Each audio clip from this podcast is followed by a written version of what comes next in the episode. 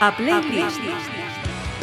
eh, que son los Millen Conning, y el disco Penny Bridge Pioneers, hace dos semanas, lo volví a meter eh, en el USB del coche y ya voy con, el, con, con la canción de Penguins and Polar Bears a toda pastilla. Gonzalo, de verdad un A playlist. Muchas gracias. pensar que somos unos puretas, pero felices. Pois eh, Javier Olleros, alegrome moitísimo Gracias. Foi un placer, de verdad, cando que irades. Amor de los padres, eso nunca. A playlist. Javier, de verdad un placer Un placer, gracias. Tenía muchas ganas.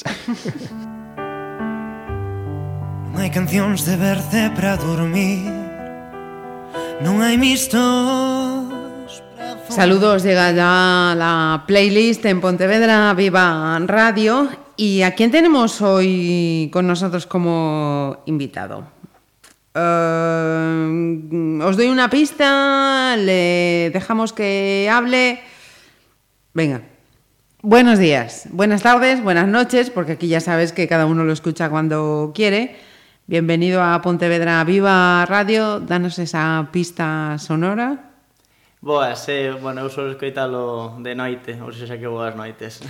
Pois, eh, boas noites, eh, Pablo Cacheda mm, de Paz. Director e realizador, como presentación, vai ben? Sí, entre outras moitas cousas, pero sí, eso podría ser bo. Pontevedrés. De, de que parte da, da cidade, Pablo? Bueno, eu vivín en moitos sitios, non? Vivín pola zona da Alameda, vivín tamén por por Paseo Colón máis concretamente, despois por Santo Niño un poquinho máis abaixo, agora estou na cidade de Pedra, bueno, uh -huh. vou me movendo un pouco en función das circunstancias. Parte urbana, entón, ti é urba, urbanita.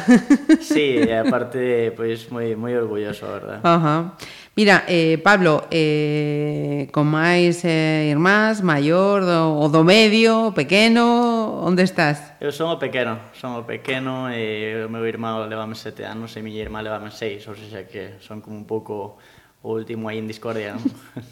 eh, eso, como é eh, a túa experiencia como o pequeniño da casa?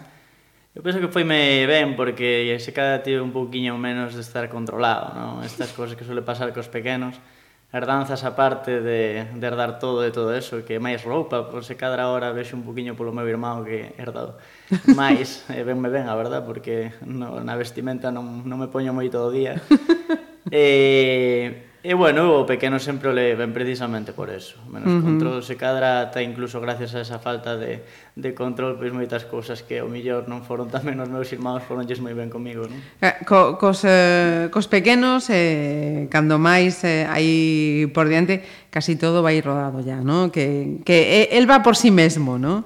Eh, eso supoño tamén que, que de, de agradecer.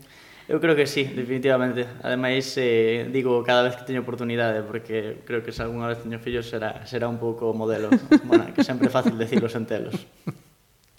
Sí, señor. Eh, tes eh, ocasión de estar con eles ou andan por aí polo mundo adiante? Sí, con meu irmão eh, prácticamente a diario. Eh, miña irmá está fora xa dende hai un tempo, está, estivo en China, está en Egipto, anda traballando anda, anda traballando por aí ela é profe e, e a verdade pois que sempre que teño ocasión pois a ver se podo visitala e uh -huh. bueno, pois sempre está ben, non? A mí gustame moito viaxar, ademais e, e logo como birmao pois sí que máis máis diario. Uh -huh.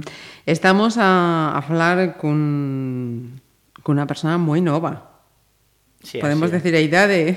Sí, a min unha das cousas máis bonitas que me dixeron últimamente foi o meu axudante de dirección que me dixo que era insultantemente joven. e dixen, ao principio dixen, isto é bonito? Non, é bonito definitivamente, eu teño 28 anos. E, Moi. E bueno, pois eh, por sorte, por sorte ainda ainda teño esa idade e podo pois, facer uh -huh. cousas, non? Moitas, moitas cousas que quedarán eh, por diante seguro, Pablo. Eh, mira, eh, da túa eh, infancia, eh, de, debuxa unha, unha imaxe desa familia cacheda de, de paz, as irmáns, por aí xogando na casa ou na rúa, con unha estampa que, que teñas na, na memoria. Eu a nivel personal sempre puiden mesturar moi ben o que era a vida social porque xoguei a tenis de toda a vida e sempre estivo o deporte aí, pero é verdade que a min gustaban moitos videoxogos, tamén se me tachaba un pouco de se a nivel familiar de, de friki ou de viciado, non? Anda. Si, foise perdendo un pouco cos anos, aínda que sempre volven os videoxogos, eu sempre que teño ocasión boto unha partida, gustaban moito os xogos de, de rol, os Final Fantasy, botaba moitas horas, pero a vez tamén tiña ocasión de salir fora se cadra gracias a, a este tenis, non? Que foi uh -huh. como esta salida de non vou estar solo na consola, senón que tamén estea fora. E se cadra o que caía un pouquiño por falta de tempo era, era non ter moito tempo para estudiar, pero sempre o levei todo bastante ao día e, e nunca tiven problemas de estudios, sen alardes, uh -huh. pero nunca tiven problemas. Iremos falando de tenis eh, e de estudios. Eh, podemos facer a primeira paradiña, porque a máis ten a súa historia. Antes de darle a, a tecniña de, de gravar, Pablo xa estaba aquí eh, comentando algunhas cuestións eh, que, que, que son, a lo menos, eh, interesantes nesta biografía de, de Pablo Cacheda. Eh, a primeira selección eh, pode chamar atención mm, porque mm, non é alguén propio da túa xeración, non? Eh, moi, moi anterior Contanos, por que John Denver? Bueno, John Denver porque eu son moi fan do country, sempre o fun, pero hai unha cousa curiosa que é que antes de ter 10 anos eu tiña oito CDs por duplicado que estaban na casa tamén, pero mentre estaban na casa oito CDs de John Denver escoitaba moito no coche, cando viaxábamos por aí, eu tiña os oito mesmos CDs de John Denver meus, non? Uh -huh. Porque eu quería que foran meus para poder escoitalos na miña minicadena, etcétera. Eh, é unha cousa que ao final acabei entendendo porque o country é moi parecido ao pop, en verdade, eh, destes últimos anos que tiven a ocasión de estar en Estados Unidos, dime de conta de que o country hoxe por hoxe é o pop dali. É dicir, o que escoitan os adolescentes, o que fala do amor, o que fala da, da volta a casa, temas máis máis eh, empalagosos, non? Uh -huh. E agora mesmo o que era o country transformouse un pouco na música teenager dali eh, atopeille sentido, porque eu son considero unha persoa bastante pop, e ten sentido que me guste o country. Uh -huh. eh, non obstante, John Denver é como un pouco vintage. Ali agora o teñen uh -huh. como o country antigo, no? que lle ten que gustar aos vellos e a nós non. Pero en realidade siguen sonando como eses temas míticos que eles cantan. No? Eh, por exemplo, eh, Take Me Home, Country Roads, por exemplo, eh, estadounidense é un tema mítico de John Denver e cántase no estadio de Anfield uh -huh. eh, de, en Inglaterra, ¿no? Entón é como a, de feito o tema futbolero, quero dicir, todo ten sí, un poquinho sí. de relación. E Anison, se cada non é a que máis me gusta de John Denver, pero unha das máis coñecidas, eh, é máis pausadiña e sempre que as escoito pois, tamén ten ese, uh -huh. esa volta ao pasado. Pois eh, antes de preguntar unha cousa máis do, do country eh, e de Estados eh, Unidos, eh, quedamos a escoitar a John Denver. You fill up my senses like a night in a forest like the mountains in springtime like a walk in the rain, like a storm in the desert, like a sleepy blue ocean. You fill up my senses come fill me again. Come, let me love. Let me give my life to you. Let me drown in your laughter. Let me die in your arms. Let me lay down beside you let me always be with you. Come, let me love you. Come, love me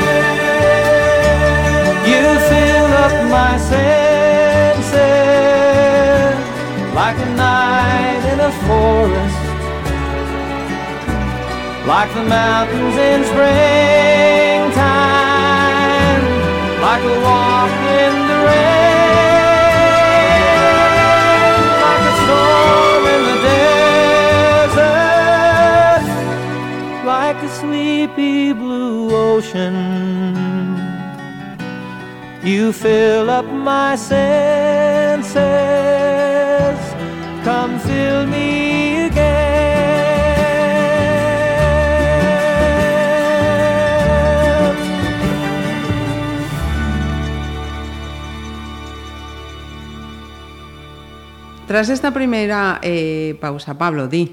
Recordo ademais de John Denver que cando el matouse nun helicóptero, nun seu mm. helicóptero, mm. fora como unha especie de drama, eu recordo que, que ata me sentía mal, ¿no? ata, ata chorara no momento. Mm -hmm. eh, E recordamo a miña familia sempre como a, cando, cando foi o accidente de John Denver leva, tiveches un día sen falar e bueno, agora miro para atrás e digo madre mía, pero que, que debía eu de pensar nese momento, uh -huh. non? Pero bueno, é curioso eh, Falabas de, de, do, do country, decías é eh, como, como pop aquí en, en España, sin embargo fíjate que a, a imaxe que que teño é como do, o country é a música da, pues como sería da, da, da parte máis eh, rural ¿no? Do, dos americanos, pero no veo que é totalmente eh, falsa esa, esa idea. Sí, de feito, fíxate no, no, no reciente, pois, na reciente catástrofe de, de mm, Las, Las Vegas, Vegas. No? era un concerto de country de Jason Aldean, que é un, un tipo, pois iso, un tipo de, de uns 30, no? un, os temas basicamente son amor, eso, a volta a casa, o, o arraigo, mm, e sempre ten un toquiño de guitarra. De feito, hai un tema ahora mesmo este de como te atreves a volver, sí. tal, que está moi de moda e ten elementos de country, ¿no? E por que se fixo diferente? Porque ten eses elementos alá. Ese, uh -huh. ese ukelele, ese, ese, bueno, non sei se un baño, un ukelele, algo así, ¿no? Pues uh -huh. Son elementos que ao final dis cando os metes nas cancións a xente ata ten un, un rollo de isto é diferente, ¿no?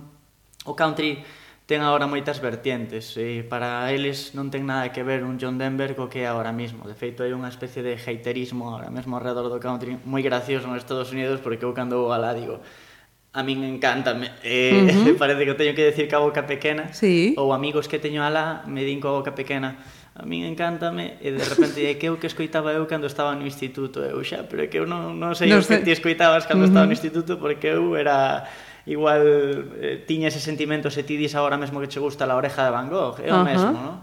Se eu digo agora mesmo a un amigo que que me gusta la oreja de Van Gogh, madre mía, caenme pedradas por todos os lados. Sí, sen embargo, diría, sí, Uh -huh. eh, de feito, cando suena nun pub ou estás nunha boda ou algo así, de repente ves que todo, todo mundo, mundo canta. Sí, sí. Eso é o fenómeno hater alrededor do pop que a mí me fai moita gracia e tratei de integrar en todas as obras que fixen. Uh -huh.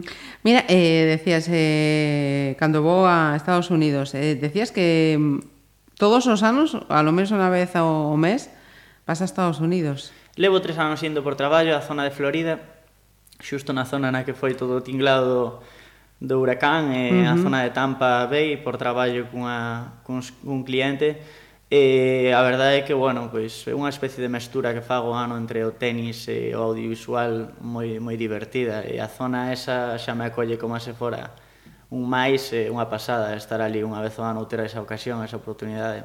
Ajá. Eh, de, dices que vas por, eh, por traballo, o sea que isto non é ninguna tontería, ¿no? No, é unha, unha especie de, o que digo, de mestura entre, entre monitor e gravar e sacar fotos eh, para unha empresa que chama VT eh, bueno, eh, agora utilizo máis tamén como escapatoria e tamén polo tema do, do inglés, que a mí me gusta moito o inglés e eh, falar en inglés. Viví moito tempo con americanos tamén, aquí uh -huh. en Pontevedra precisamente. É eh, como unha especie de excusa para non perdelo, non? Eh, uh -huh. A vez que pois estás nunha zona, pois iso, Florida, pois calquera que o diga que vai a vacacións, pois son tamén unha especie de vacacións entre moitísimas comillas que, que uh -huh. Vivías con americanos porque por tema de intercambio? Eu compartín piso aquí moito tempo, eh, levo bastante tempo fora da casa e compartín piso e hai unhas... Ah, bueno, vivín con auxiliares de conversación, foi unha fórmula que me, que me ensinou no seu día meu irmão que viviu moito con eles, os auxiliares de conversación son xente que ven aquí a pasar un ano estudiando, eh, bueno, máis ben traballando eh, como, como auxiliares en institutos, E, e bueno, son xente ben porque non son estudiantes, son traballadores, uh -huh. cando xa queres dar un pouco ese salto de de seguir compartindo piso, pero vivir con, con xente que traballe, non pois son unha, unha xente que ven moi ben para eso. Eh, e uh -huh. a vez pois eu tiña unha bueno, eh, igual é para máis adiante, pero tiña unha especie de fórmula perfecta cun deles que era eu falar en inglés e el en español, entón era unha... Ah, sí, señor. Eso sí que era moi útil. Quid pro quo, ¿no? Exacto, totalmente. Uh -huh. Mira, eh, xa que falabas antes desa de eh, eh, vergoña decir, eh, eu escoito a Oreja de Van Gogh ou gústame o pop. Eh, que pasa con, con Alex Ubago? Pois mira, esa, esa, esa risilla é un pouco habitual en canto a, ao que diste, no? A mí ahora mesmo nunha conversa de bar non se me ocurriría decir que uns dos meus temas favoritos estén blando de Alex Ubago, sería como... Eh, eh E, sen embargo, hai algo aí, non? É como cando escoitas unha canción e dices, hombre, isto foi especial en algún momento. Eu creo que esta corresponde un poquinho máis a, a este modo adolescente de de todo me va mal, esto es como horrible y... El mundo y, contra mí. El mundo contra mí, eh, todo el mundo, pues, eh, ninguén me quere, todo o rollo, ¿no? Eh, esta en concreto, bueno, ademais de que en realidade agora mesmo cada vez que escoito a Alex Ubago ou a calquera ou a Oreja Van Gogh ou toda esa xente que, debe, que, que é tan odiada agora mesmo, eu sempre deixo, eu escoito moito, moito cadena dial, moito rollo de moito rollo pop, eu sigo tendo aí un sentimento aí hacia hacia este tema de todo está na miña contra, como din as letras de Los Ubago, que en verdade uh -huh. son todas bastante dramáticas, uh -huh. non? Mira, hemos saltado a adolescencia, pero mm, a infancia, onde foi eh, que estudiaras? En que colexio? Eu estudei na Xonqueira 2 de, bueno, antes, digamos, eh, o parvulario e todo isto en Campo Longo, e, e digo porque Logo houve unha especie de salto por domicilio a, a Xunqueira 2, onde vin tamén un pouco máis este, este tema da, do, non digo rural, pero si sí dos arredores de Pontevedra nun instituto, eh, mentre eu en realidade era do, do centro, no? e aí sí que convives con moita xente pois de Campañó, de, de Cerponzóns, de, uh -huh. etc. No? De primeiro a sexto, e despois de o que o bachillerato e, o, e a ESO foi no Sánchez Cantón, que en realidade foi como unha especie de reencontro con xente coa que eu estudiara uh -huh. parvulitos. En canto a eso... Ainda hai xente que tamén di parvulitos. Ben... sí. Non sei, non estuvo o día de se se perdeu, se cadra por non ter fillos tampouco, pero... Alégrome moitísimo de que alguén aínda diga eu fui a parvulitos, sí, señor. Pois pues sí. E o curioso é que destes primeiros anos da, da Xunqueira 2, de primeiro a sexto, non conservo prácticamente contacto máis que uh -huh. coñecidos, e sí que todo o núcleo ahora mesmo de amigos veo a partir da, do, do Sánchez, non? Uh -huh. eh, sí. Mira, e antes de poner a Alex eh, Ubago, decías antes que estudiante levabas todo o día. Aí do, do, do montón, non? Sí, sen alardes, non? Eh, de feito, hai aí unha pequena anécdota que, que probablemente en primeiro e en segundo da ESO era nunha clase onde o nivel era máis baixo, era dos mellores, pero logo decidimos así colectivamente uns amigos e máis eu cambiar a clase dos buenos e entón pasamos a ser nosos mediocres. Non? pero isto é como estar nun equipo de fútbol e ser uh -huh. suplente para gañar a titularidade, eu creo que o simile así, eh, veunos ben a todos, senón ao final acaba estancado, non? Sí, señor. Oye, pois pues, eh, imos con a de Subago? Veña. Veña.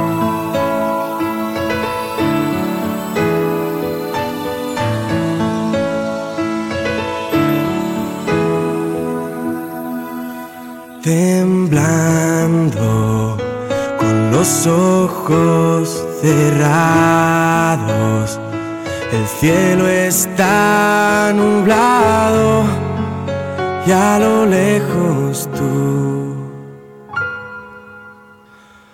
hablando de lo que te ha pasado, intentando ordenar palabras para no hacerme tanto daño, tanto daño y yo sigo temblando.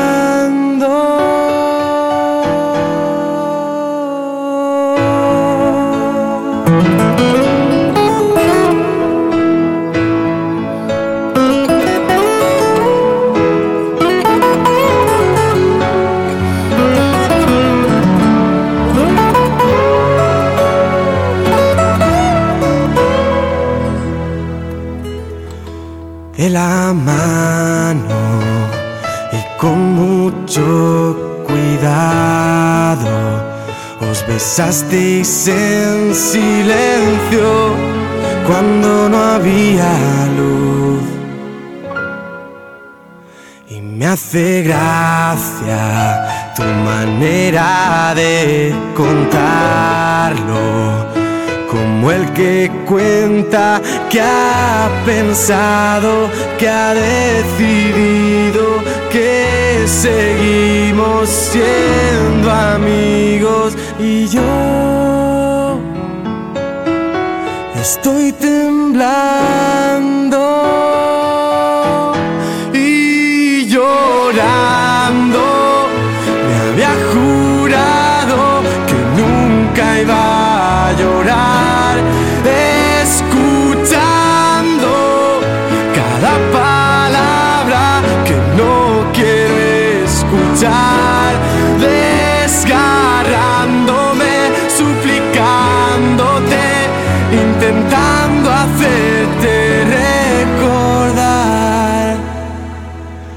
Pero tú solo dices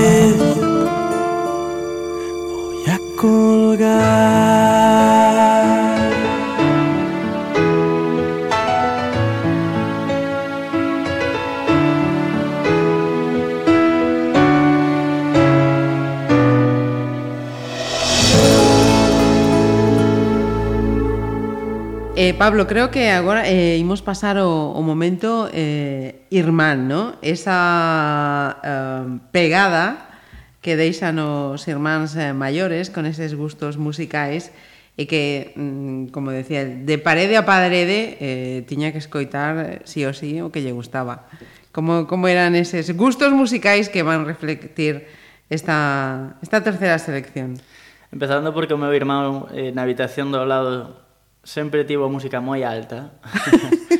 e ademais de todo eso... Dende o eh, cariño, eh? Dende o cariño, porque agora vexo utilidade. A, a parte gustaba de tocar a guitarra, sempre estivo ah. como aprendendo, non? Eu creo que sigue aprendendo aínda a día de hoxe.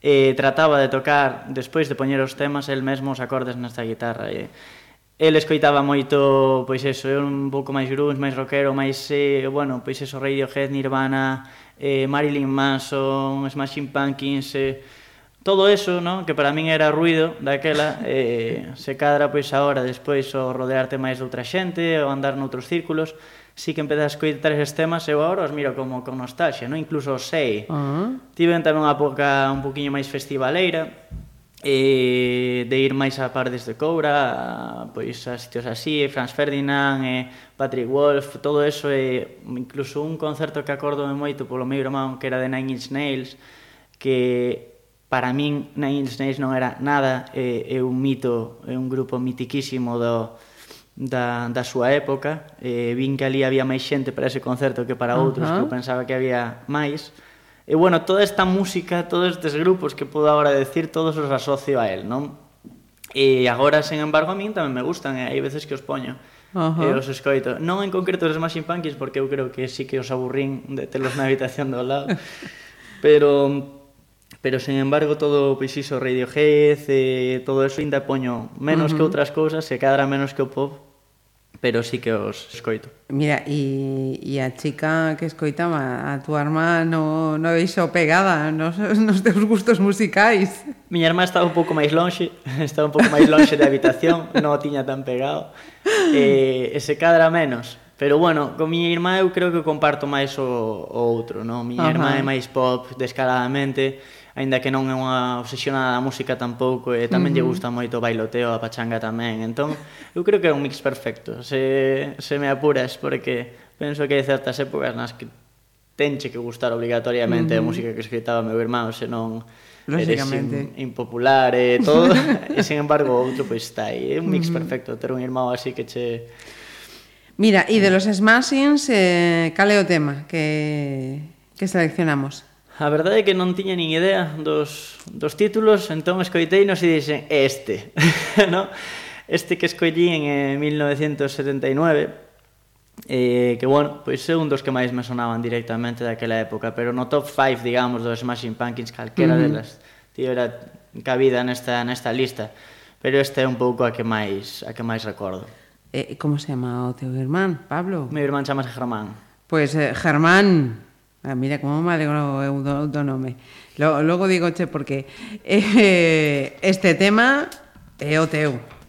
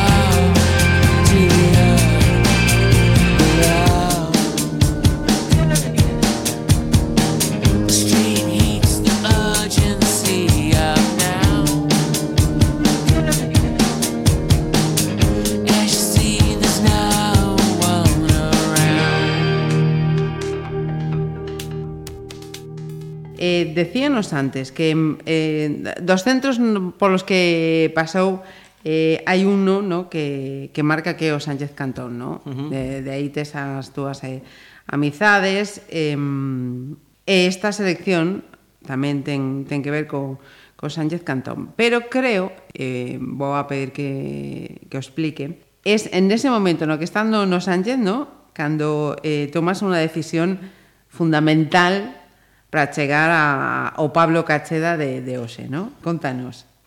Sí, eu aí en, creo que foi en cuarto de eso, eh, dous profesores concretamente, un de galego Anxo e un de religión, bueno, deste amago de religión que había daquela que chamaba Fran, que acababas aprendendo moitísimo, de outras cousas se cadra para uh -huh. adaptarse un pouco aos tempos eh, deronnos a oportunidade de facer os traballos en, en vídeo, non? Eh, mentres normalmente outros grupos o facían en cartulina, etc., nos collimos a cámara familiar de varios de nós, eh, non sei se era unha, unha de 8 mm ou, ou algo así, eh, era un cristo, non? Porque tiñas ti que gravar e despois importar, e uns problemas enormes de drops das cintas, bueno, parece que en realidade aínda sendo xoven como son e todo, parece a prehistoria, non? Cando pensas no que tiñas que facer para facer un traballo en vídeo daquela, non? Uh eh, -huh.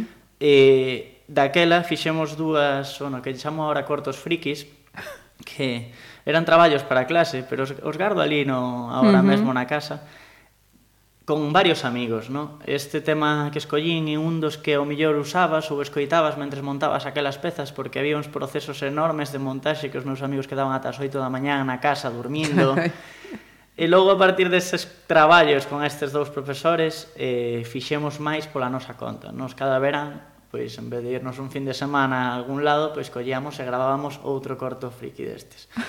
Estas pezas fixeron que eu replantexara o tema de dar clases de educación física como compensar que iba a facer toda a vida por la relación co tenis e ao final decidir a facer algo relacionado co audiovisual. Non tiña moi claro o que, porque en verdade tampouco hai moita orientación a nivel audiovisual, de feito unha das claves agora mesmo para poder facer tamén cursos como fago, uh -huh. pero non hai moita orientación hacia o audiovisual nos institutos. Entón, a min o simple feito de que un profesor nos dera esa opción abriume un pouco a mente e, e penso ademais cada vez que volvo ao Sánchez porque volvo moito ao Sánchez entre uh -huh. outras cousas a gravar sí.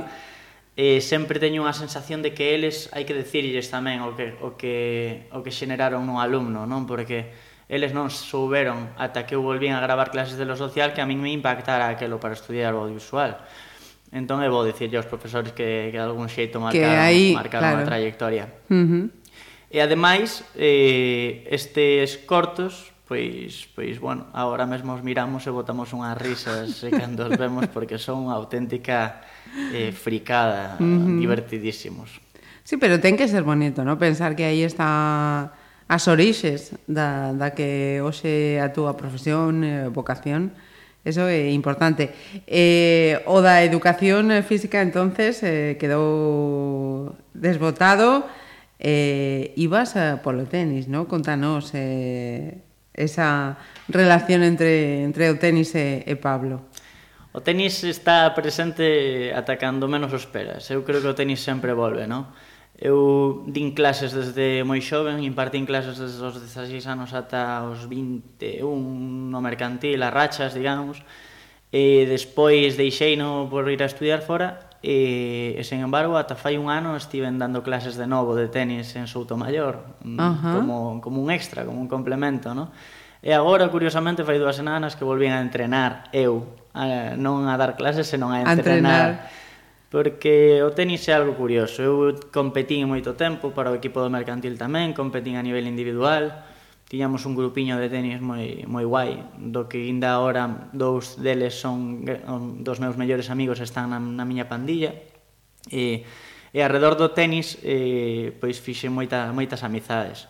É un deporte fastidiado, é un deporte moi individual, moi, moi mental, e, e cando tes que desconectar, que para o que uso agora, é brutal, porque non estás pensando noutra cosa que non uh -huh. sexa a pista. E eso, cando estás, pois, eso, nun período laboral complicado e tal, e necesitas unha desconexión ao tenis é idóneo, porque se non estás uh -huh. concentrado na pista, estás perdido. Uh -huh. E arredor, ademais, eh, tive entrenadores que, que me ensinaron moito, bueno, todos os deportes, eu creo que é básico que calquera persoa calquer rapaz estea nun deporte, no? E o tenis, curiosamente, pois non é dos máis dos máis populares, e sen embargo, si que a xente que xoga tenis eu detecto que madura moito. Non digo polo, polo meu caso, pero eu entrenei con xente que era como se cadra, incluso parecía que tiña máis idade a que tiña por estar xogando o tenis. É un deporte algo para min peligroso, porque ao mellor mm, pode facerche madurar un poquinho máis rápido E eso, pois, hai veces que non é necesario en absoluto. Eh, e non xa uh -huh. digo, non o digo por min, pero si sí por casos particulares que, que me rodeaban. Moi curioso que estás a decir, eh? Uh -huh. Voltamos entón ao, ao momento musical de, uh -huh. de, de toda esta parte. A selección é eh, Roel, e o tema eh, Si me quisieras. Sí, efectivamente.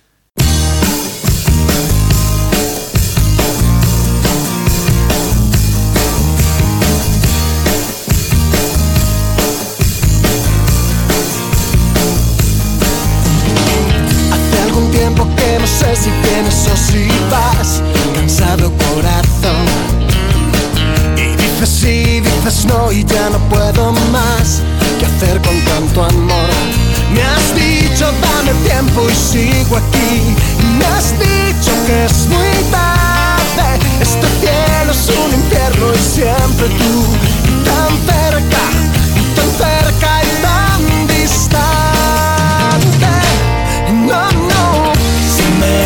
quisieras, si me quisieras, yo sería más, sería un corazón, sería despertar, si me quisieras, y si me quisieras, yo sería más, sería tu mitad, no, no.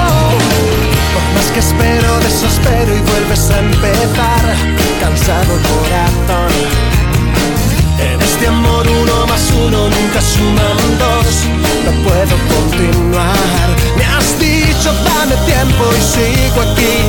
Me has dicho que es muy tarde. Este cielo es un infierno y siempre tú.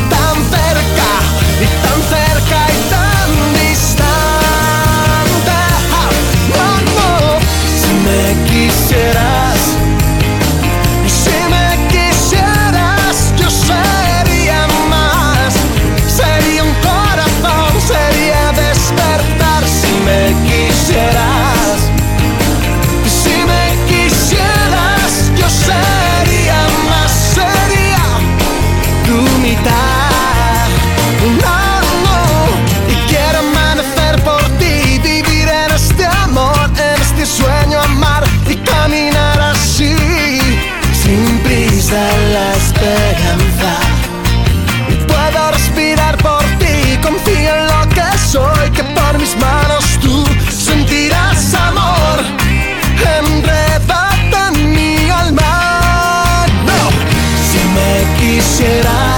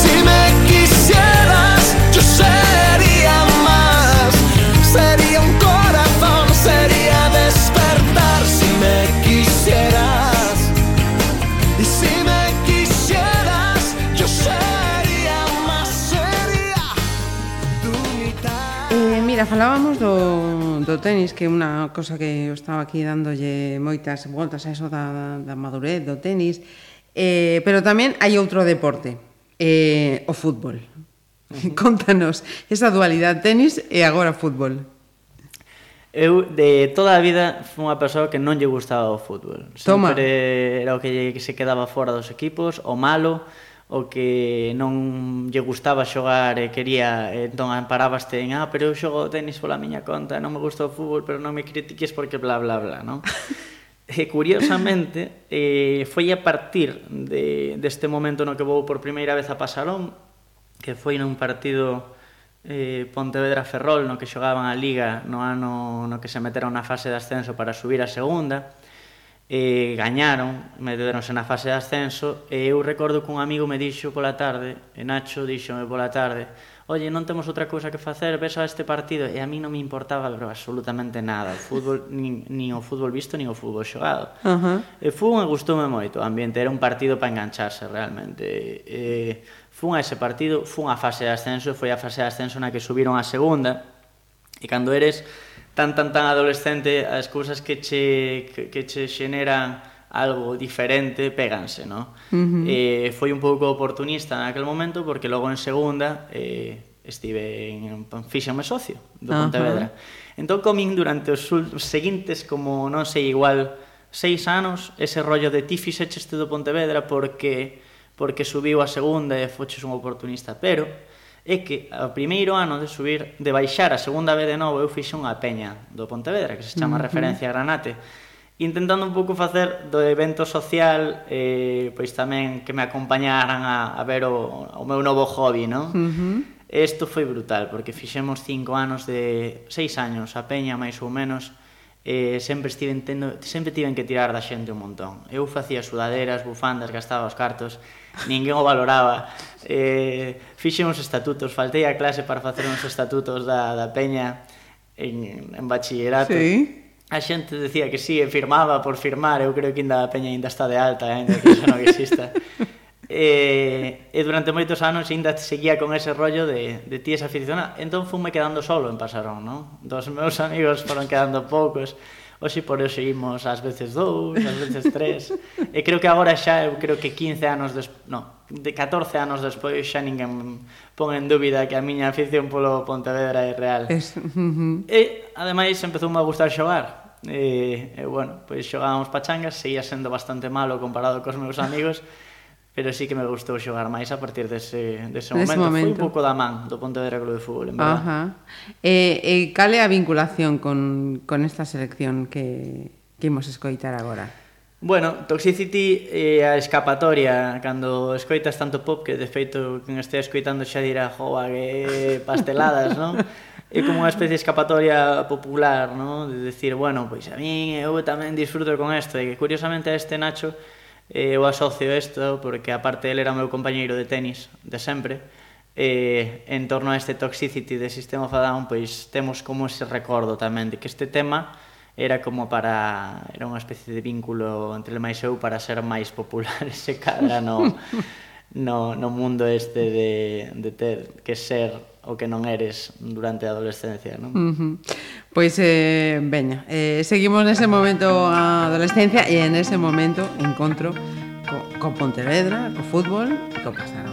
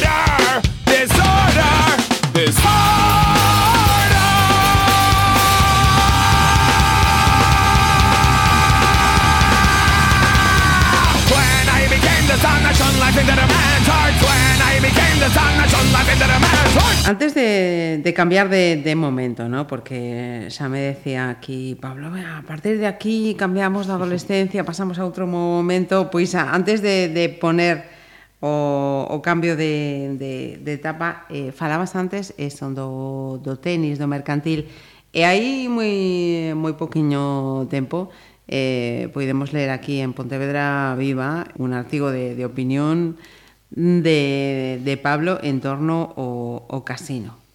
Eh, contanos, por que ese momento, por que ese artigo? Para crees que aínda tirón de orellas no, non tiveron ocasión de, de velo? Eh, sempre de que o mercantil teño moito cariño, dun xeito ou outro. De feito, houve aí unha pequena época incluso laboralmente na que tratei de facer cousas de, de vídeo con eles, xa tiña unha uh -huh. pantalla, sacábamos as actividades en vídeo, eh, bueno, sempre intentando un pouquiño non desvincularme de todo, non? De feito, eh, pois eh, estivemos a punto de, de desfacernos de socios nun momento dado uh e, e non o fixemos e creo que estivo ben non facelo porque, bueno, a, cando ti te desvinculas dunha sociedade así é raro que volvas por salvo que teñas algún aliciente tipo pois ter fillos leválos en verán, etcétera, etcétera, non? Uh -huh. E sen embargo, eu agora cada vez que vou ao mercantil detecto unha especie de cariño que o mellor se cadra non merezo, pero que cheo ali e sempre teño con quen xogar, sempre me recoñecen por ter estado no mercantil toda a vida, e ademais agora co proceso de eleccións, que a min fixome especial ilusión porque dixen, eu coñezo do mercantil que sempre, sempre tiveron problemas para poder ter relevos das directivas sempre uh -huh. a un pouco pois traspiés por todos os lados e todo, non? E o feito de que haxe unhas eleccións neste momento no que está tan en auge o tema de votar de votar, votar Pois a min fíxeme ilusión. Fixen un artículo de, de opinión ese porque eu penso que ás veces cando vas por aí a xente non é consciente de que ti estás ao día das cousas, eh? Uh -huh. E a min gustame opinar, aínda que recoñezo que, que cando subín algúns das, das directivas pois xa me decían, "Oi, quen és que, que intenta que Eh, e, ímolo captar, eu dixe, bueno, a min eu xa intentei axudar no seu día, se cadra, pois no seu momento hai que axudar outra vez estarei. Uh -huh. Pero bueno, o mercantil de momento agora o utilizo para ir a xogar ao tenis e, uh -huh. e de momento para pouco máis. Mira, eh, a selección neste momento cambio de, de etapa, Tamén é, é distinta. Contanos, eh, Calamaro, por qué e, e por qué esta selección, que tamén tiene o seu aquel na época de estudiar, que estudiei imaxe en Coruña, eh, pois tamén teste que adaptar a novos círculos de xente, non? Entón tirei un pouquiño do que a mí me gustaba, pero escapando no, unha vez máis do, do tema do pop, para non resultar impopular. eh, a Calamaro a min gustame xa desde antes, desde moito antes, o que pasa é que se cadra non era o máis o máis pois habitual na, nas persoas se cadra co country, tampouco era moi habitual que che gustara Calamaro, uh -huh. non? E sacou un disco que se chama La lengua popular eh, nesta época, ara hacia o 2007 máis ou menos, penso que eh, que era eh, La lengua popular o CD menos popular de Calamaro. De Calamaro. El estaba acostumado a sacar seis CDs nun, nun mesmo álbum ou cinco, unha barbaridade, este era o único que era un CD, e que os temas eran como máis melódicos, precisamente. Esta Mi Cobain é unha das que máis me gustan dese, dese CD. Uh -huh. E escoito a moito e o CD inteiro o poño bastantes veces para, para recordar. E sí que asocio un pouco a esta, a esta época de estudiar imaxe na Coruña. Uh -huh. eh, sí, que, sí que asocio aí.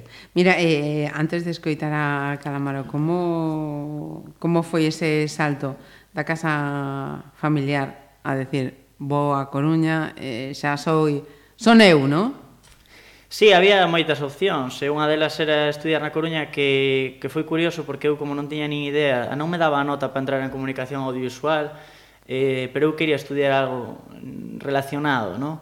Entón acordome que foi unha deputación, curiosamente, a informarme sobre os ciclos superiores dos que non nos falaran nunca na vida. Eu teño unha especie de de batalla personal contra a orientación nos institutos en contra dos ciclos, ¿no? que agora parece uh -huh. que se está poñendo máis de moda, pero non tal, porque siguen vendéndose carreiras por anterior ou de forma prioritaria antes que os ciclos. Uh -huh. Eu aprobei o selectivo, tiña a opción de meterme nunha carreira, e incluso indo en contra de, alguna, de algunhas partes de familia ou non, e, pois decidí meterme nun ciclo superior de imaxe Dime, quería estudiar realización, ao final tampouco me daban as plazas porque me quedei a dúas plazas de estudiar realización na Coruña na Escola de Imaxe Son, a calle teño moito cariño, e ao final estudiei imaxe, creo que foi unha sorte, porque creo que tamén determina moito laboralmente o que eu fago, porque ademais de ser realizador, que podo considerarme realizador sen ter feito realización, e o feito de ter estudiado imaxe, eu son operador de cámara, son montador de vídeo,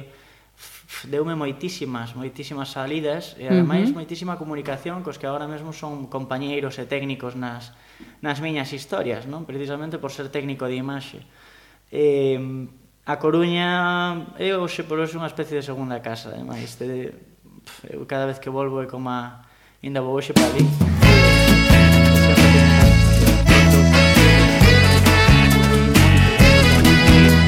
Super pibe cayó con un joint, se veía venir. Mi Cobain no va a sufrir por los demás.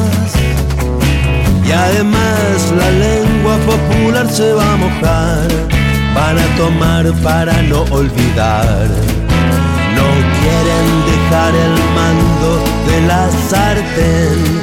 Y con razón casi tenemos razón. Nadie miraba pero se veía venir. No quieren dejar de curtir y de darse merecido bacanal. Igual no somos menos mortales que algunos animales vegetales en permanente peligro de extinguirse de nuevo como la ballena azul.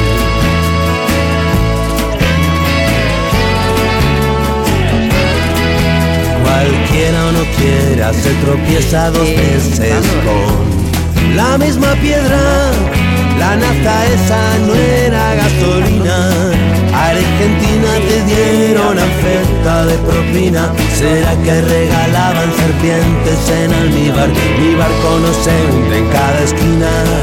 Estoy entrenando en la grande muralla cochina y en Argentina acaba de empezar la matinée, son las 11 de la mañana.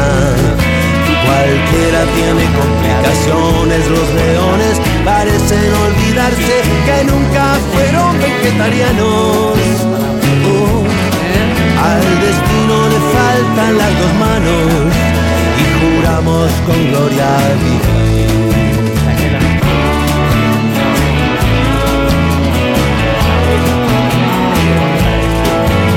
Super pide cayó E a parte con un económica, joint, e voltamos veía venir. Mi Cobain no va a sufrir por los demás.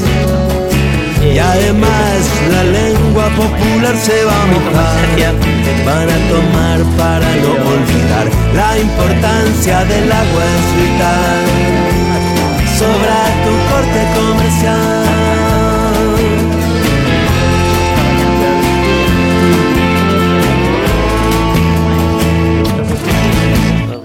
certo, que asocian xa que tes que facelo. E aquí é como unha especie de se o fase porque o necesitas. De plus, sí. E non é tanto así. Eu estaba facendo as dúas cousas e foi duro, pero foi foi moi productivo. Uh -huh. Foi moi beneficioso a larga. Uh -huh. Eh, o primeiro eh, traballo eh, propio con repercusión Como, como comeza clases do, do social? Que pasa pola cabeza de Pablo para decir, veña, por aquí? Despois de estar máis ou menos tres aniños, 2009 ao 2012, en, nas series estas alternando, como se di, contratitos, non? Eh, pero contratos, bueno, pois moi moi moi beneficiosos para min tamén, por outro lado a nivel experiencia laboral. Eh, eu botei 4 meses en Portugal vivindo por unha circunstancia e ali en Portugal, ademais de facer unha curta en portugués, que foi unha experiencia chula, eu seguía facendo como curtiñas, eh... non? Aquí a gato. Aquí a gato. Uh -huh. eh, escrita, ademais, por unha rapaza de aquí. Eh, o que pasou foi que durante o 2009, do 2009 ao 2012, seguín facendo unha curtiña por ano, non? Uh -huh. Hai varias, están todas en internet, con uh -huh. mellor ou peor resultado, pero Estou orgulloso delas igualmente, aínda que agora faría as cousas de outra maneira, non? e no 2012 hai unha especie de punto de inflexión moi guai de contar porque eu pensaba con este rollo do paro, non? Que, que ti vas ter ou non vas ter ou vas seguir alcanzando eses contratos que ti tiñas até que hubo un baixón enorme de traballo, non? En todo. A crise foi... Eu sabía que non iba a ter traballo do, do que eu estaba facendo a ese momento E entón, ao facer estas curtas, eh, uh -huh. empecé a idear outra curta máis, a seguinte, digamos, que se chamaba Unhas clases do social a tempo baseada un pouco nas experiencias eh, a nivel comedia que eu tiña cos meus amigos de ser mal ou, ou ben socialmente dependendo da circunstancia. E tiven a super, super suerte de que estaba traballando na, na serie esta de Padre Casares e a veces estabase grabando unha serie que se chama Matalobos. Ajá. Da cual un non dos... nos soa de nada. de nada. a cual un dos protagonistas era precisamente Santi Romaico que eu Ajá. xogaba as pachangas de, de fútbol que eu organizaba na propia empresa. Mm -hmm. É algo moi curioso porque cando ideaba unhas clases do social a tempo comentei a él se lle apetecería protagonizar esta curta E el, como xogamos as pachangas, animouse. E mira ti que hoxe Santi é, Santi é un amigo de verdade, hoxe por hoxe, non? Uh -huh. É un, vamos, un dos mellores amigos. E, e as circunstancias, mira ti, o fútbol como volve, como une, non? Curioso. E desde unhas clases do social a tempo pasou que o ano seguinte vimos que funcionara a curta, aínda que tiña tamén carencias, E, e podía, entraba un pouco o tema das webseries por aí, ainda estaba incipiente aí intentando arrancar uh -huh. a través das tres webseries que había aquí en Galicia Angélica e Roberta, Entre Pipas, bueno, etc. Uh -huh.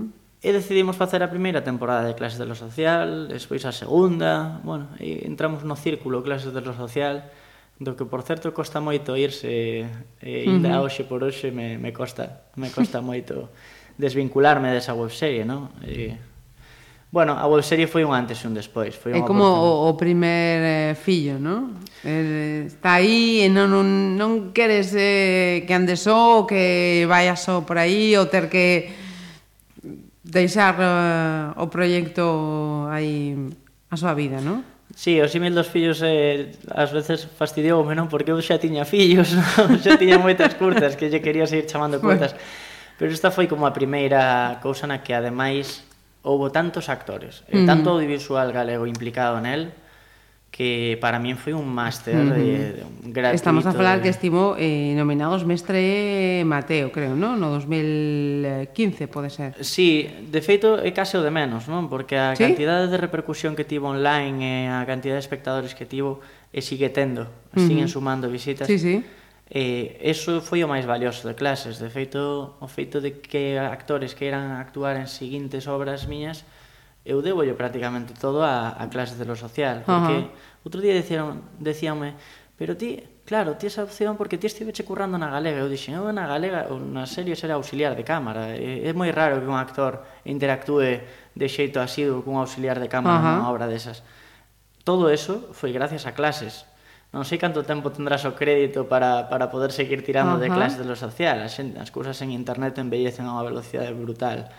Pero, oye, eh, todos os actores que hai viñeron mm, co seu, quedaron contentos como uh -huh. para poder seguir facendo cousas. Entón, a clases debolle, debolle moito. E a seguinte selección xa va polos, eh, polo indie. Contanos, Sí, Boca en la Tierra eh, está relacionada se cadra con esa época de Portugal da que falaba antes. Uh -huh. eh, sin embargo, a mí Vetusta Morla é un dos meus grupos favoritos actualmente. Pareceme que que fan algo distinto, creo que trascenderán no, no tempo porque non, non suenan igual, fan, e fan cousas en directo brutales, evocan la tierra, non é das máis famosas deles tampouco, e sen embargo é unha destes temas aos que sempre voles. Vou escoitar algo e non sei que escoitar, pois vocan la tierra. E ainda teño un amigo que a que tocamos, a veces el toca a guitarra e eu intento a cantar. Non canto moi ben, pero ah, volvo a ela. Me estás dando unha pista, eh?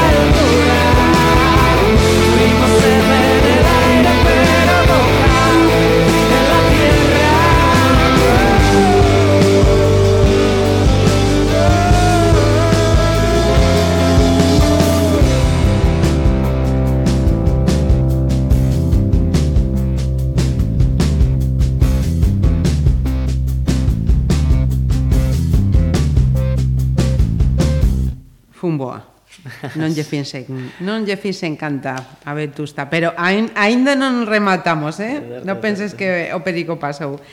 Mira, eh, casi adi adiantei eh, o tema da, de clases eh, do social porque a seguinte selección é parte da banda sonora, non?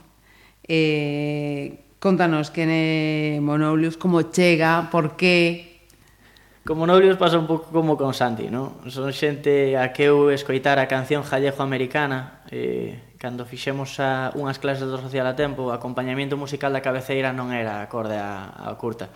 E alguén me dixo que había que mellorar eso. Entón, uh -huh. estaba eu pois, por Youtube e atopeime a Monoblius Dop con esta canción Jallejo-Americana e despois empecé a indagar un pouco máis. E mandei unha mensaxe e dixenlle se podían compoñerme un tema. E claro, eles como son, non, non se esperaban tampouco que, que alguén lles pedira para compoñer un tema. Eh, compuxeron tanto da primeira temporada como da segunda. O da primeira eles sempre contan na, nas entrevistas de que es, cando foron de clase de lo social que me dixeron que o iban a compoñer, pero que tiñan que pensar sobre eso. Despois volvín ao cabo dun mes e cando volvín dixeron, xa case o temos, pero temos de quedar un... Tesnos que deixaron a media oriña aí metidos no coche que é o noso sistema para, para sacar as cancións. recoñeceronme que a escribiron ali no momento no coche, dentro do coche, comigo ali presente, eu dicindo, jova, vaya artistas estes que teñen ali o método. E escribiron ali, e o curioso é que a escribiron e quedou un temazo. Uh -huh. Quedou un temazo que para min, por exemplo, foi mellor co da segunda temporada que o prepararon máis. Uh -huh. E, e eles escoitan este tema e están tamén contentos co que fixeron eh, dentro de que non é o seu, non é o que eles fan, pero foi como unha especie de entrada hacia algo do que eles non sabían que podían facer e fixeron. E que fixeron?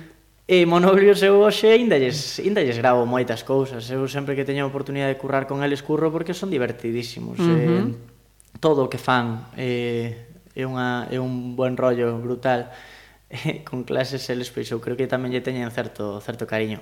Con este tema fixemos ademais o experimento de facer un videoclip e aproveitamos un día de estrea para citalos durante 4 horas antes uh -huh. e gravamos como unha especie de paseo polo Sánchez Cantón que está no Youtube con eles cantando nun plano secuencia e iban se unindo como xente ou actores estaba Monti, estaba Carlos Blanco Monte Castiñeiras, uh -huh. estaba Santi Román, estaba Sabela e uníanse a cantar a canción para acabar todos nunha nunha especie de grupete uh -huh. cantando a canción, o cual pois mira, foi unha tontería porque non había moita xente no Sánchez e quedou así como un pouco descafeinado e sen embargo ves ahora e dis jova, que hai ata un videoclip deste tema eh.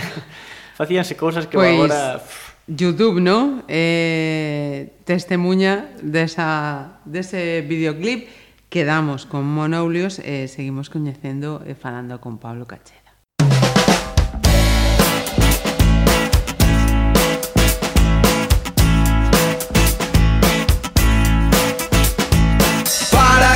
sola si queres decir adiós.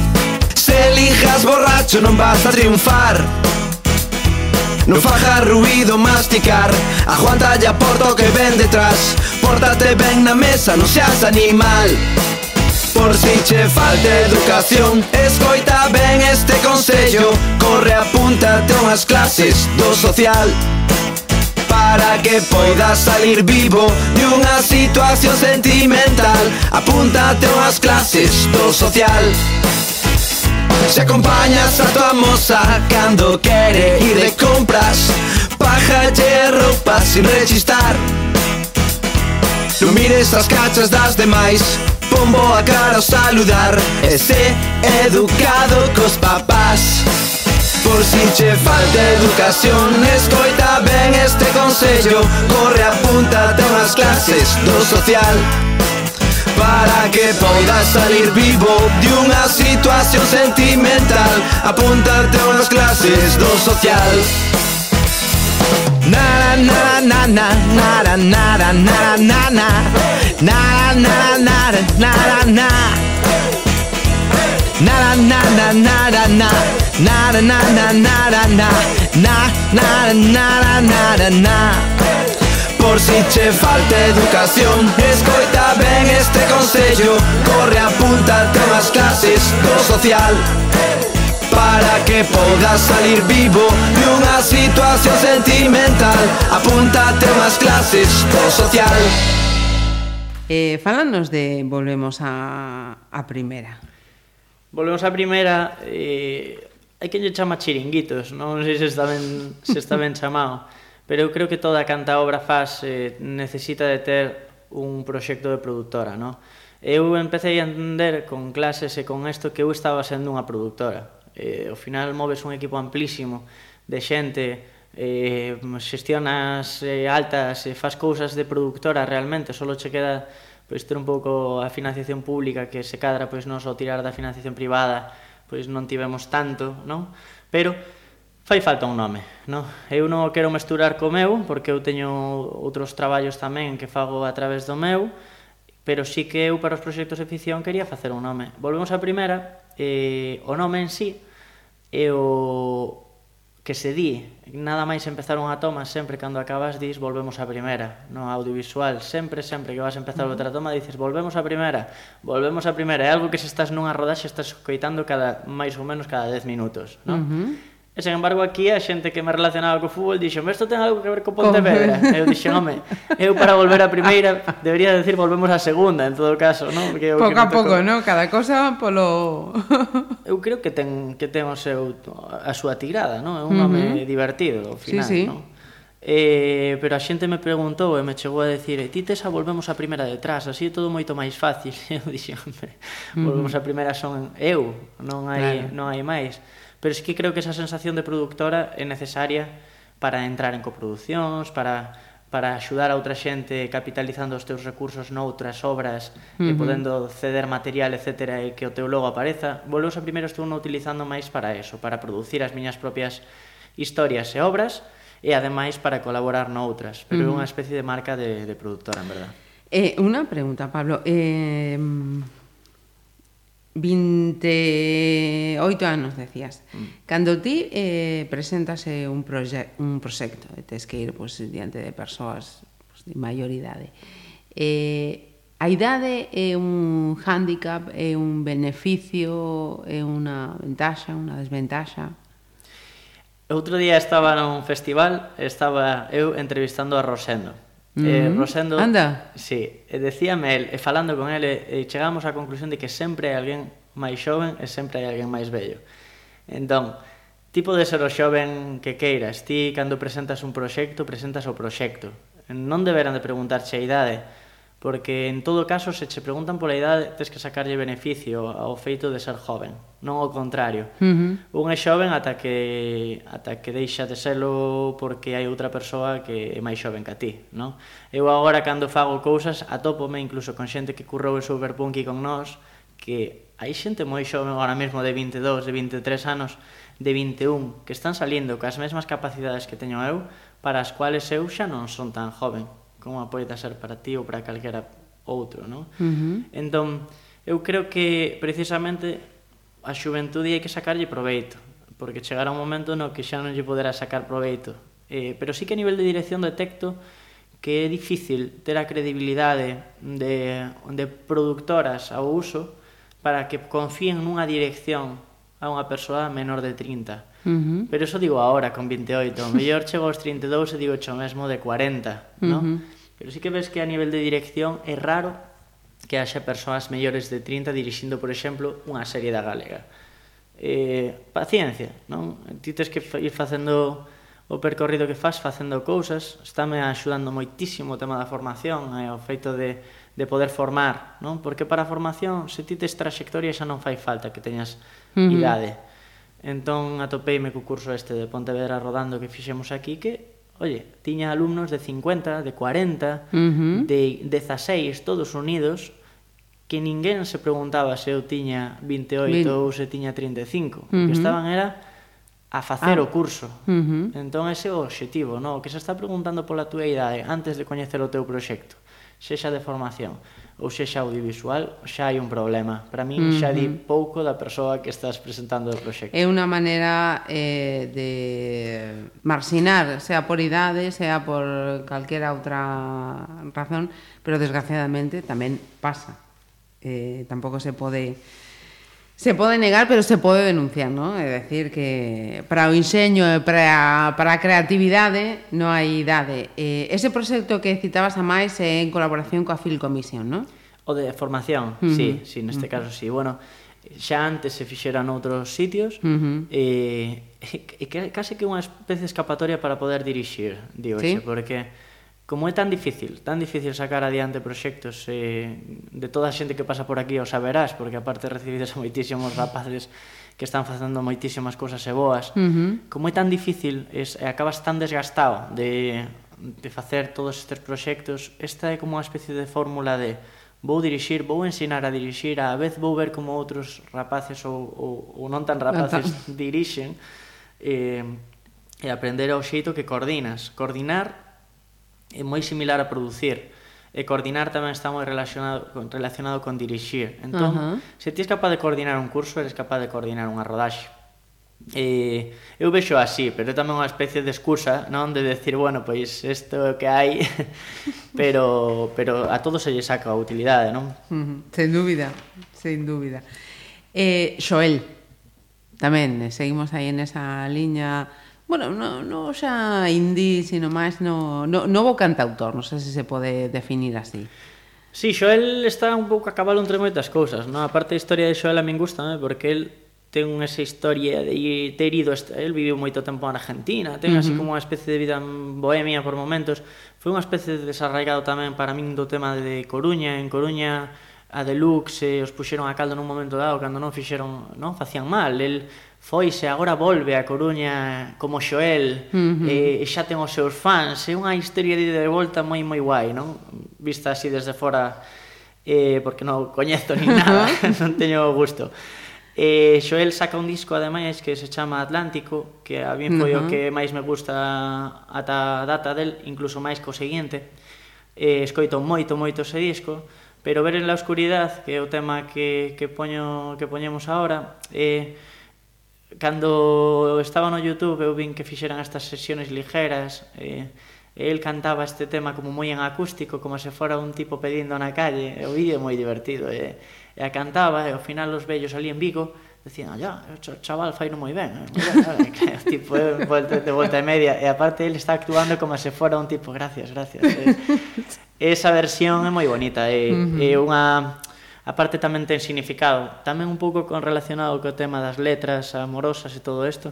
Creo que as letras de Xoel teñen teñen moito sí. moito moita pegada. Uh -huh, uh -huh. E que se ti estás nun momento X, escoitas unha canción de Xoel, eh, che gusta o que di, vas, estar vas, vas te sensibilizar. E no en caso de ver na oscuridade, bueno, esta é unha delas. Uh -huh. Pois pues veña, momento Xoel. Momento Xoel.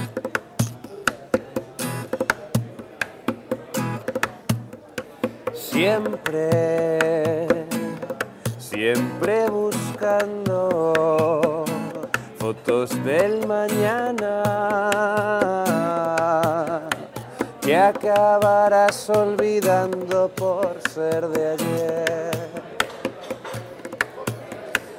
Bebé, mm, bebé las gotas mm, caen hoy de esta rama. Y fíjate bien para no caer. Y si miras, si miras hacia arriba, puedes tropezar y te puedes caer. El sol, el sol sale para todos. El sol sale para todos. Y para todos se oculta también. Y si miras, si miras hacia arriba, tropezar y te puedes caer. Y si miras, si miras hacia abajo, el vértigo de los días pasados.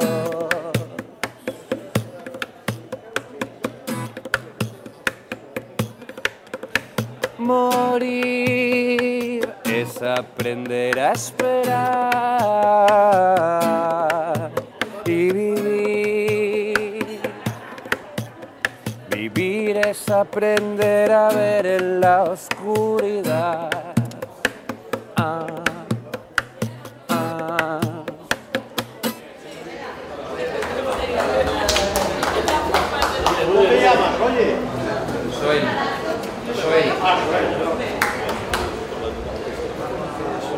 con permiso de Pablo. Se quere entramos nese terreo eh, e senón pasamos a, a seguinte pregunta. Falabas dos momentos eh, X, dos momentos eh, amorosos, sentimentais. Uh -huh. Uh -huh. Eh, como está a vida de, de Pablo nese eido? Podemos falar ou pasamos á seguinte pregunta? Bueno, eu estou eu en calquera das circunstancias nas que este estou ben. Uh -huh. E agora podo dicir que estou ben, eu estive en, emparellado, estive en, nunhas épocas, nunhas noutras, e de todas as épocas nas que, nas que estive, saco cousas moi positivas. Uh -huh. E eso é o bueno, eu non recordo ningunha delas, agora mesmo non é o caso, pero non recordo ningunha delas nas que nas que dixera, ostra, pois desta época teño todo malos recordos, non, ao contrario, todas, todas, todas elas xeneraron moitísimas das cousas das que falamos ata agora Ajá. e son provocadas por, por estas épocas uh -huh. de forma transversal ou dun xeito ou doutro. Pero eu calquera dos proxectos dos que falei podo relacionalos cunha, cunha situación sentimental Ajá. X. A min faime ben, será, pero non podo tampouco decir que todos os proxectos que hai sexan uh gracias a eso porque senón estaría fastidiado. Eh, ata aí podo ler que decía. Oh, ata aí pode ler, perfecto.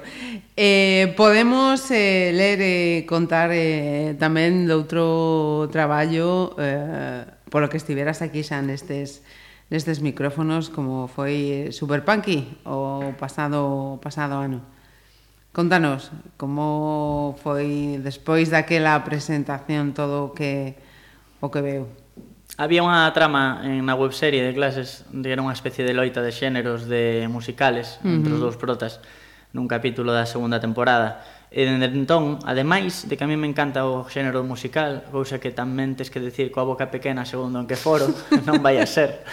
Oye, mira La La Land. Sí, pero eh, incluso, ¿no? Incluso que genera controversias e ti nun momento dado falas de La La Land, vas ter unha discusión seguro, dun xeito ou do outro. Agora, de feito, hai unha no cine que se chama La Llamada, que teño moitísimas ganas de ver, ah. pero que non está en Pontevedra, como suele pasar co... Ben. con moitas cousas. E a min dame moita rabia, uh -huh. porque seguramente acabe por non vela por culpa deso, e levo esperando a meses. E, o musical é un xénero que, ademais de encantarme, eu xa o dixen aquí noutra, pero Rock of Ages, eh, Mamma Mia, todos os temas, todos os relacionados co musical me gusta e tiña moitísimas, moitísimas ganas de, de facelo.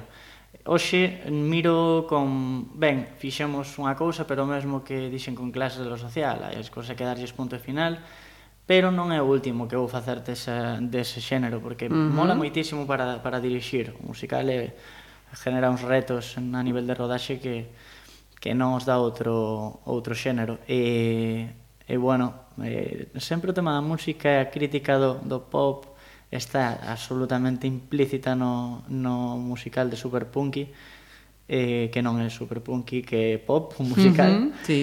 Eh, e, eh, eh, bueno, precisamente a verdade é que a tertulia esta pois mola porque sí que sí que está relacionado completamente. Hai como unha especie de trasfondo de estou medio fastidiado, ¿no? Ou ás veces co tema do pop, notase que teño aí como unha especie de resquemor. De loita interna aí. E máis externa, eu a interna sí. teño, teño bastante clara, non? Pero sí que, sí que vai. Eh, e bueno, a xente dixo que estaba bastante conseguido, que facía sí. que facía coas súas virtudes e carencias, pero que facía pensar no rollo de por que temos que, ser, que, que seguir a xente co tema de odiar a este que o único que fai é expresar os seus sentimientos a partir uh -huh. dunha canción, non? Uh -huh. E bueno, pois esa, esa historia de Superpunk que tamén deu moitas cousas e eh, seguirá dando, pero tamén poñéndolle punto e, e, e aparte, non? Uh -huh. Eh, a seguinte selección teño que decir que é a primeira vez que a escoito. Decía, pero si foi... Mm, ilústrame. Eh, días grandes. Uh -huh. Bueno, eh, Inda fai dous días li un artículo no país que poñía eso, la volta del cantautor, eh, género defenestado, sempre, pois iso, non? Que tamén estaba en Superpunky. estaba un pouco hilado, non? Freddy Leis, outro día vinlle non, nun mensaje de Facebook a un compañeiro que fai tre, como un ano uh -huh. me, me vacilaba por levar o disco de Freddy Leis no coche. A min o disco de Freddy Leis regaláronmo eh, e levaba no coche era que prácticamente o único CD que levaba no coche porque uh -huh. non, os teña, non teño moitos. E decíame tipo, pero que fais escoitando isto, isto é unha pastelada, isto non sei que, outro día vinlle no Facebook que sacou agora un disco novo que se chama, bueno, un single novo que se chama Mariposas, e compartía a, e poñía joa, que letras hace este tío, la verdad, que bien.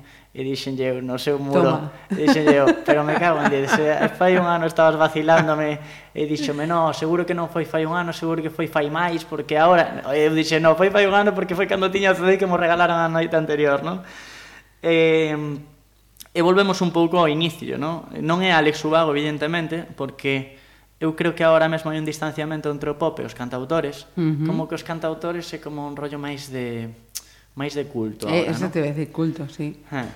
Eh, antes eran catro tíos con a guitarra vacilando o mundo e agora é unha música de culto, como xente que está superior a nivel sentimental que a ti e non podes entender os seus fantasmas interiores, non? Uh -huh. Mólame tamén ese, ese, ese, ese aura que teñen uh -huh. Teñen de, de drama, non? Freddy Leis ten un pouco dese aura incluso nas nas, nas entrevistas de que diste, jo, ah, pobriño, no? Pobre que... Pero logo os temas, escoítalos e diste, oye, pois, joa, uh -huh. aquí hai unha historia, no? E o máis chulo de, dos cantautores é que en cada unha das, das súas letras hai unha historia cerrada. Eu acordome dunha de, de Ismael Serrano, por exemplo, que falaba... Pff, era, era brutal a letra, era fala dunha especie de tío ou que lle gusta tendo 40 anos unha rapaza dun instituto ou algo así. Uh -huh. Eh, claro, escoitas ti a letra e diste, pero que cafrada é esta? Pero en realidad está contando unha historia como o que fora la sonrisa del bolchevique que salía a tosar en unha película española. Uh -huh. Era eso sintetizado nunha canción. Uh -huh. eh, pero é unha historia. Uh -huh. Cousa que agora mesmo os músicos co tema do bis co tema da estructura da canción, porque os músicos eu aprendino compoñendo con monobrios, que están moi rayados co tema das, das estructuras das cancións, do estribillo onde ten que ir, de tal e cual, e ás veces, moitas veces, perdes a historia. Ah. Un cantautor é capaz de contarche unha historia ás veces doutro xeito. Uh -huh. Entón, para mí, agora teñen un momento que se merecen, non? E tamén a radio comercial aproveitase moito desto. Uh -huh. eh, Andrés Suárez, eh, o propio Freddy Leis está salindo nos 40. Pff, quero decir, no momento no que no que convirtes a un cantautor a... en algo comercial, xa tes que ter un pouco máis de entendederas para coñecer ao tipo e non só a canción. Uh -huh. E Freddy, bueno, pois a min gustan. Eh, ten poucos temas, para min vai sacando como un tras outro. Me gustaría que tivera un CD enteiro para poder uh -huh. escoitar Pero bueno, os temas que sacan son así medio pasteladas, pero gustame. Pois pues a ti te gustan, é o momento de Pablo Cacheda e imos a escoitar a Freddy Leis.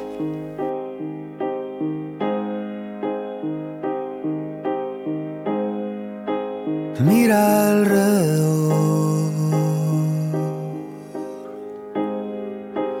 No hay ni un sitio libre para ti Ya está todo reservado y qué más da. Yo te llevo dentro.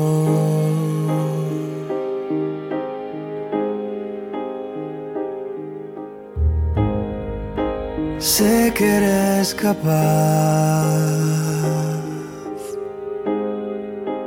de cambiar las normas de cualquier normalidad y en realidad tu punto fuerte hoy es mi punto débil. Te juro que es verdad que todo lo que dije lo pensaba todo menos lo de terminar con un balazo y un abrazo por la espalda. Solo y sin mi banda. Solo contra ti.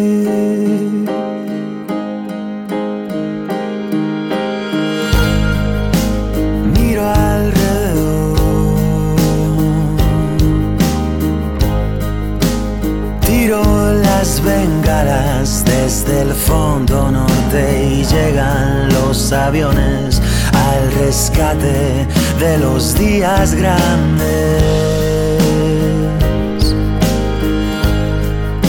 Te juro que es verdad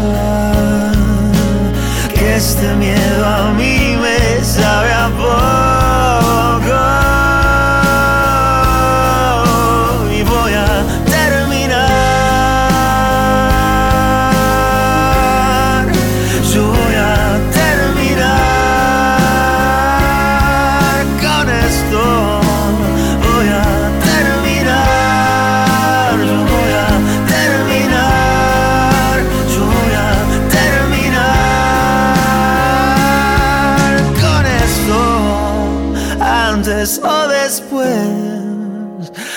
Antes o después. Y contigo al lado. no,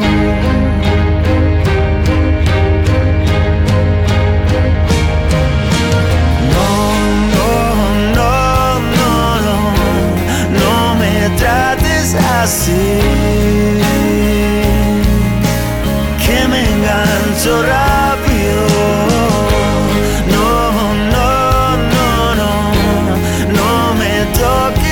see.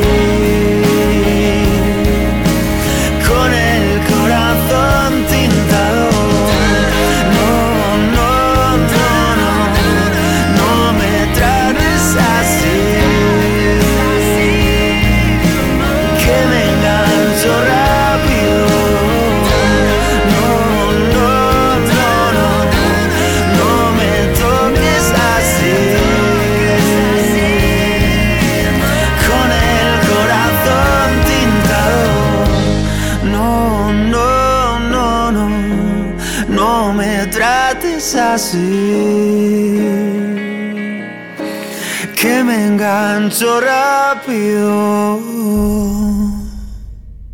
Chegamos á última selección desta playlist. Ainda me quedaba por preguntar eh, como se ve a vida dende a fiestra de un autónomo.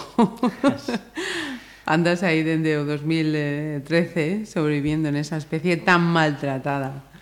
Sí, como, autónomos como... non, ese mundo no que diste estás nunha conversa de bar destas que xa teño citado e diste, bueno, es que est... precisamente, bueno, es que vosotros estáis jodidos e diste, sí, pero hai moitos autónomos, mm. é dicir, o autónomo non é só o diseñador ou, ou o montador e o audiovisual, calquera mm. persona das que estamos acostumados a comprarlle cada día é un autónomo, non? Mm -hmm. Eu eh, teño a sorte de que co paso dos anos a cousa vai mellorando, pero logo tes períodos máis fastidiados, non? Mm -hmm. Estás todo o día pois eh, pelexando tanto con clientes como con como co, co propias tasas e historias e cuotas pero da, permíteche facer moitas cousas. Eu creo que precisamente facer obras grandes ou facer proxectos audiovisuales de tipos que xa citados, se non fora autónomo e poidera dicir, bueno, pois este mes ou estes dous meses vou nos dedicar a isto, eh, non sería posible, porque terías uh -huh. que estar sempre pendente das vacacións, xa non só das túas, senón uh -huh. das mm. da xente,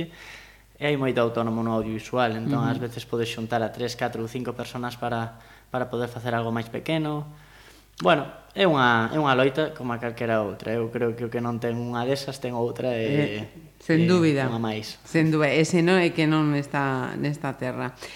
Eh, dabas antes alguna pincelada antes de rematar clases eh, do social pode seguir eh, super punk o musical eh, podería haber eh, en que estás agora eh, en que obxectivo ten, eh, teñes a, a vista posta?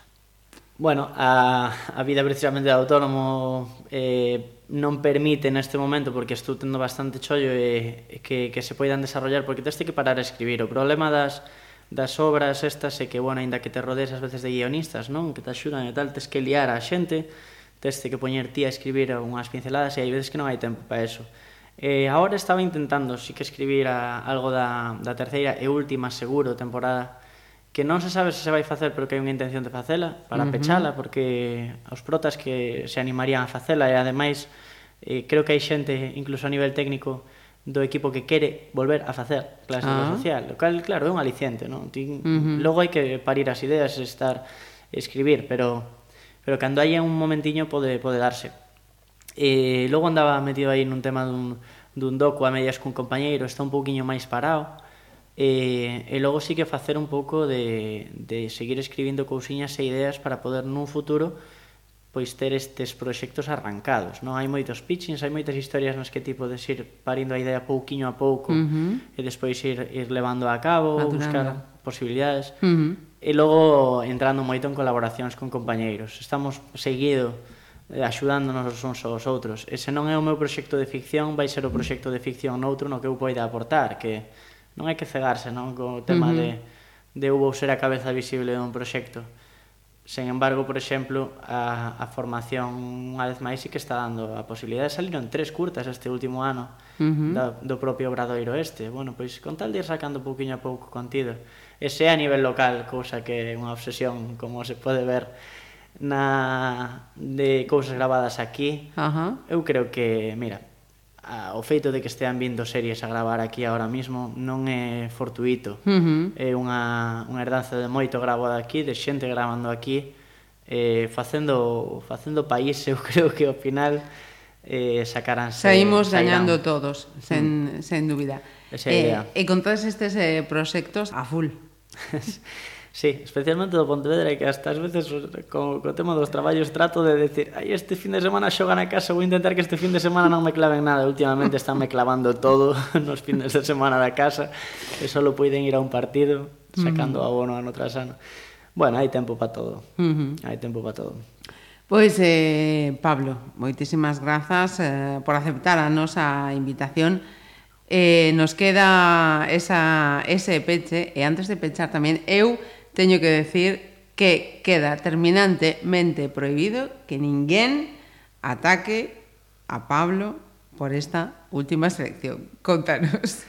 Sí, é que como eu creo que xa non van chegar moita xente aquí, pois porque porque bueno, mellor eh, a selección non sería totalmente honesta se se non houbera algo de pachangueo, non? Porque os eu saben os meus amigos que me encanta ir por aí e eh, escoitar pachangueo e que se non metera nada sería como ah, mientes, mientes, gustache Esta, esta é unha canción así medio pachanguera, xa che digo, é, é de un tipo que se chama DJ Pana e Melody, que decía eu, pero eu a escoitei por primeira vez e dixen, esta é a Melody dos gorilas, sí, é ela. É unha canción que cada vez que escoitamos nun pub, eu teño un coleguilla tamén que a pide, uh -huh. a pide, para que a poñan e a cantamos aí a todo trapo, porque cando a pachanga te das de conta redor túa de que está e a xente a canta, e que o mellor non é tan tan odiada, non? Eu creo que debe de haber sempre lugar os, para a pachanga. Os gustos ocultos eh, da xente. Sí, Prácticamente señor. en toda selección ten que haber Hay... hueco para un tema pachanguero, se non é de boda, pois é de deste de tipo. E aí está. Perfecto, pois pues, dito, Pablo. Moitísimas grazas. Gracias a ti.